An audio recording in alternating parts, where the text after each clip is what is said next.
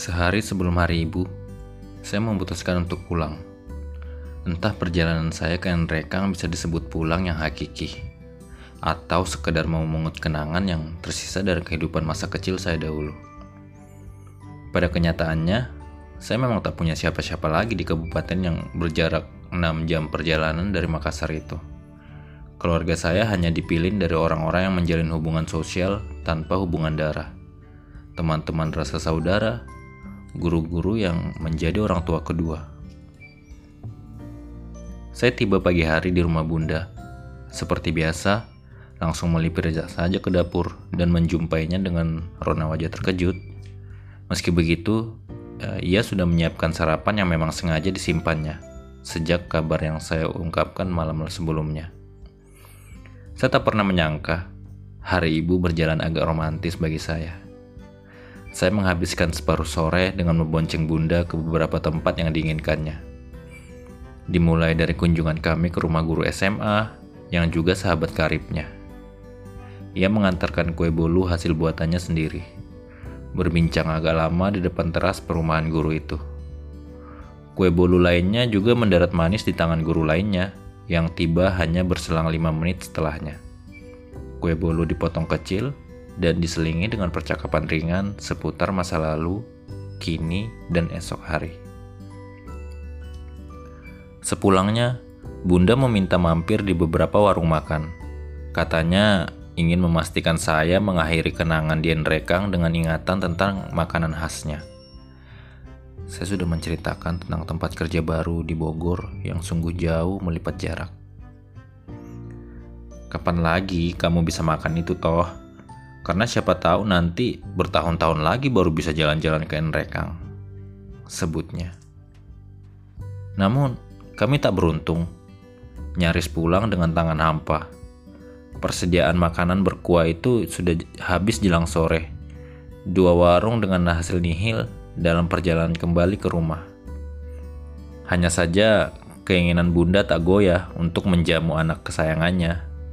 Ia menyebutkan warung di kecamatan tetangga yang menyediakan kuliner itu.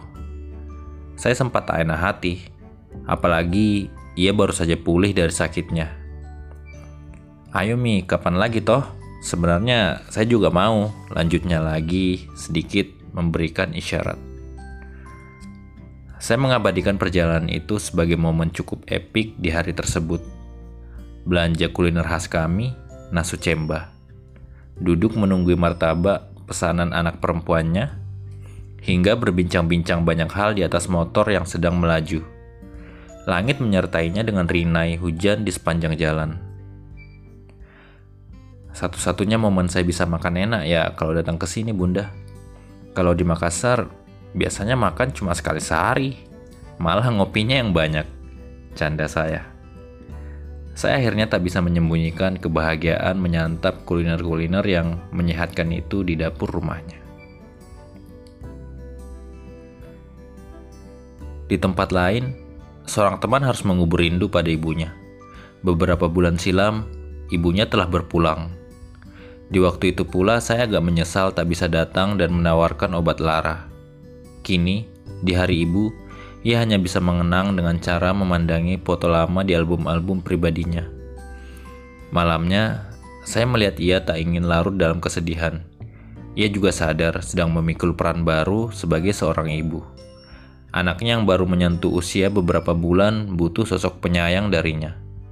Perannya sudah berganti. Kelak, anak lelakinya itulah yang akan mengucapkan selamat untuknya.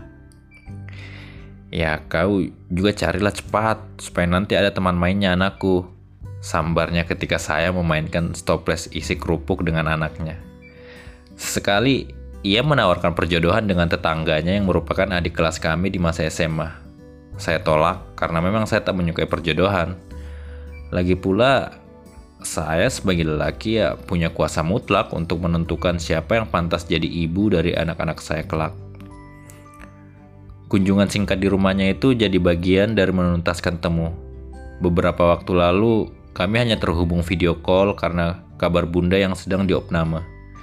Janji untuk mampir ke rumahnya terselip dari perbincangan singkat bertukar kabar itu.